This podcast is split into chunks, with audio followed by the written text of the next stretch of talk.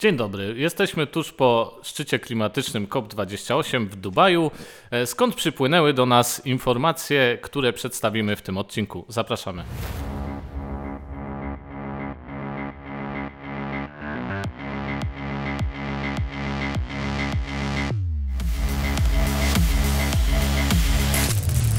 Witamy, witamy w najnowszym spięciu. E, Ja nazywam się Jędrzej Stachura, ze mną jest Jacek Perzyński, redaktor Business Alert. Witaj Jędrzej, dzień dobry Państwu. I tak jak powiedziałem we wstępie, dzisiaj ruszamy do Państwa z dawką informacji prosto z Dubaju, gdzie odbył się szczyt klimatyczny COP28. E, Jest to spotkanie prawie 200 państw, e, które co roku spotykają się w innym miejscu na Ziemi i rozmawiają o e, zmianach klimatycznych, o problemach związanych właśnie z redukcją emisji. No i Jacku, co nam dał ten e, tegoroczny szczyt e, w takim e, pikantnym miejscu jak Dubaj? Przede wszystkim należy zacząć od tego, że tegoroczny szczyt klimatyczny COP28 odbył się w bardzo kontrowersyjnym miejscu. Zjednoczone Emiraty Arabskie jest to Petrostan, ósmy największy na świecie producent ropy naftowej. Gazu też mają dużo. Tak, a szczytowi klimatycznemu przewodniczył Sultan Al-Jaber. Jest to prezes koncernu ADNOC, jednego z największych, jeden z największych takich firm wydobywczych na świecie i na, przed, na samym początku po, e, zakwestionował e, istotę zmian klimatu, co było dosyć bardzo kontrowersyjnym mm, posunięciem. E, Chciałbym też zwrócić uwagę, że na wstępnej deklaracji e, z tegorocznego szczytu zabrakło, zabrakło porozumienia takiego wstępnego wszystkich e, krajów, na, e, które deklarowały chęć odejścia od paliw kopalnych na rzecz zwiększenia e, udziału energii odnawialnych. Jest to bardzo rozczarowujące. Ja właśnie tak na sekundę bym ci przerwał, bo chciałem wspomnieć o tym, co jest w sumie ciekawe, że COP jest takim tworem, e, który e, polega na konsensusie, czyli wszystkie państwa uczestniczące, e, w tym roku to było 198, tak. E, Wszystkie te państwa muszą się na coś zgodzić, żeby to weszło w życie i to ma na celu jakby globalizację tych postanowień, tych konkretów, które się tam pojawiają co roku. i też jest bardzo trudnym przedsięwzięciem. E, Z drugiej strony e, wspomniałem o negatywnych aspektach tegorocznego szczytu klimatycznego, ale też nie popadajmy w defetyzm. Są też pozytywne aspekty. Mianowicie s- e, 120 pa- e, państw, w tym również Polska, podpisały się pod porozumieniem, które zakłada aż trzykrotny e, trzykrotne zwiększenie e, mocy produkcji z energii odnawialnych, co na pewno będzie e, miało pozytywny wp- wpływ na klimat. Jednak e, myślę, że mm, nie, oczywiście nie możemy określać e, tego, tegorocznego szczytu klimatycznego jako wielkiej porażki, ale myślę, że jest to raczej zawód i niespełnione nadzieje aktywistów, które bardziej nas od, oddala od zeroemisyjnej przyszłości. Zazwyczaj takie e, coroczne spotkanie odbywa się w pierwszej połowie grudnia, właśnie tak to jest e, wymyślone. E, No ale tutaj dostaliśmy w tym roku informację, że przedłużył się ten szczyt tegoroczny.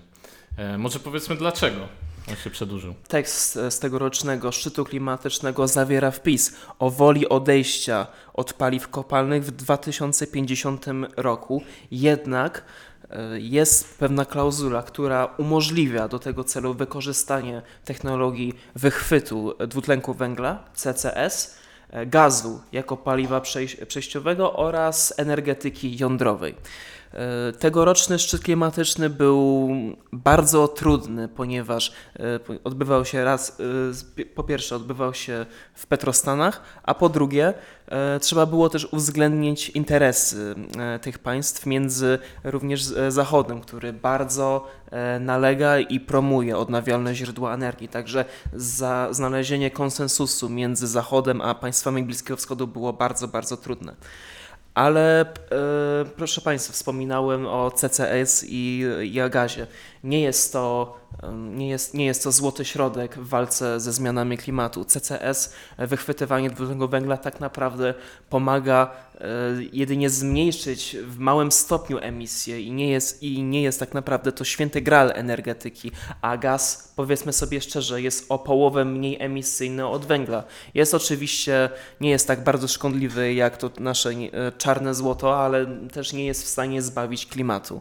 Oczywiście, no tych, tych wyzwań jest dużo. Ja bym też wspomniał o, tych, e, o tej różnicy krajów rozwiniętych, wysoko rozwiniętych i tych e, mniej rozwiniętych, biedniejszych, które jednak w to OZE dopiero wejdą w przyszłości tak naprawdę, no bo to, to jest kwestia raczej lat e, w niektórych przypadkach. No i to też właśnie podczas tego szczytu klimatycznego tegorocznego było podkreślane przez te państwa biedniejsze, e, że te wszystkie decyzje muszą się równoważyć i być jakby e, realne dla każdego kraju i tych bogatych i tych biednych. To wszystko pokazuje, że państwa, które jadą do Dubaju czy 5 lat temu do Katowic i tak dalej, i tak dalej, bo tak, w Polsce też był COP i to trzykrotnie, z tego jeśli dobrze, jeśli dobrze pamiętam, to trzykrotnie Warszawa, Poznań i Katowice miały tę przyjemność, e, żeby gościć e, tych przedstawicieli tych 200 krajów.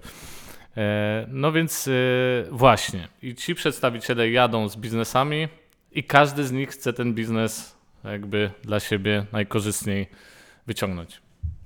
E, tak, tegoroczny szczyt klimatyczny, tak jak wcześniej wspomniałem, był bardzo trudny i trzeba było uwzględnić e, interesy biznesu. Pragnę jeszcze przypomnieć, że jest, znajdujemy się w trakcie kryzysu energetycznego. Wysokie ceny energii nie są już e, taką bolączką dla wszystkich gospodarek, ale nadal nie wróciły one sprzed poziomu pandemii. Także ym, nadal mierzymy się z wysokimi cenami e, węgla, gazu, ropy naftowej. Jednak e, z uwagi na to, że ym, COP28 miał miejsce w Dubaju, w Zjednoczonych Emiratach Arabskich, to ym, obawa się spełniła, że ym, że interesy petrostanów k- krajów Bliskiego Wschodu, dla których e, handel węglowodorami, ropą e, naftową, gazem ziemnym e, stanowi kluczowe e, źródło dochodów, to ich obawy będą uwzględnione, a postanowienia klimatyczne będą dla petrostanów łaskawe. Wiemy, że przyszłoroczny szczyt klimatyczny odbędzie się w Baku, czyli stolicy Azerbejdżanu. E, No i właśnie, czy to e, dzisiaj Dubaj, jutro Baku, czy to może pokazuje, e, że te kraje właśnie produkujące gaz, ropę w dużych ilościach, one też zaczynają się interesować zmianami klimatycznymi? Niestety nie, ponieważ te kraje dążą ra- do jak najdłuższego wykorzystywania gazu, jak, e, jak, jak, jak są jak najdłuższego e, korzystania z handlu e, węglowodorami, gdyż przyczyna jest prosta. No, e, Dla nich eksport e, tych nośników energii stanowi bardzo główne źródło dochodów. Także e, dla takich krajów jak e, Azerbejdżan e, czy kraje Zatoki Perskich musiałyby się e, liczyć z utratą e, intratnych zysków i kontraktów, e, jakie, jakie potrzebują e, na przykład Chiny, Stany Zjednoczone czy Europa. Czyli rozmowy o zmianach klimatycznych są cały czas e, na świeczniku, że tak powiem. E, No i właśnie, ale czym te zmiany klimatyczne mogą grozić? Cóż, e, jedną konkluzją z, z tegorocznego szczytu klimatycznego jest to, że wielkimi krokami jednak zbliżamy się do scenariuszu, w którym wzrost temperatury do 2050 roku o 1,5 stopnia Celsjusza jest realny.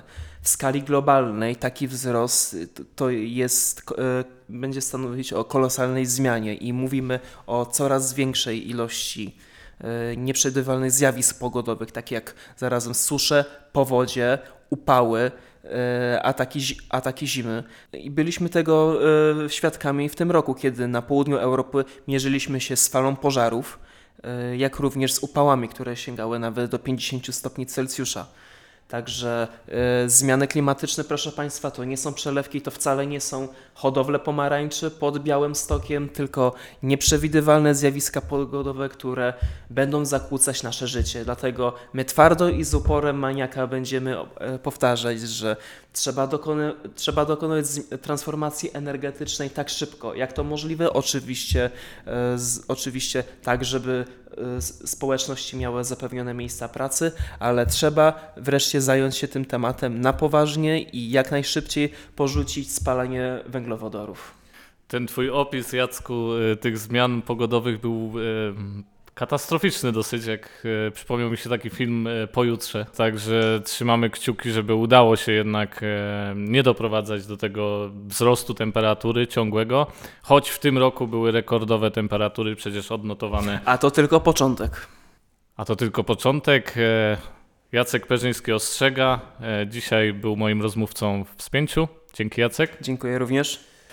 Ja nazywam się Andrzej Sachura, zapraszam Państwa do komentowania naszego filmu i już za tydzień na kolejne spięcie. Dziękuję.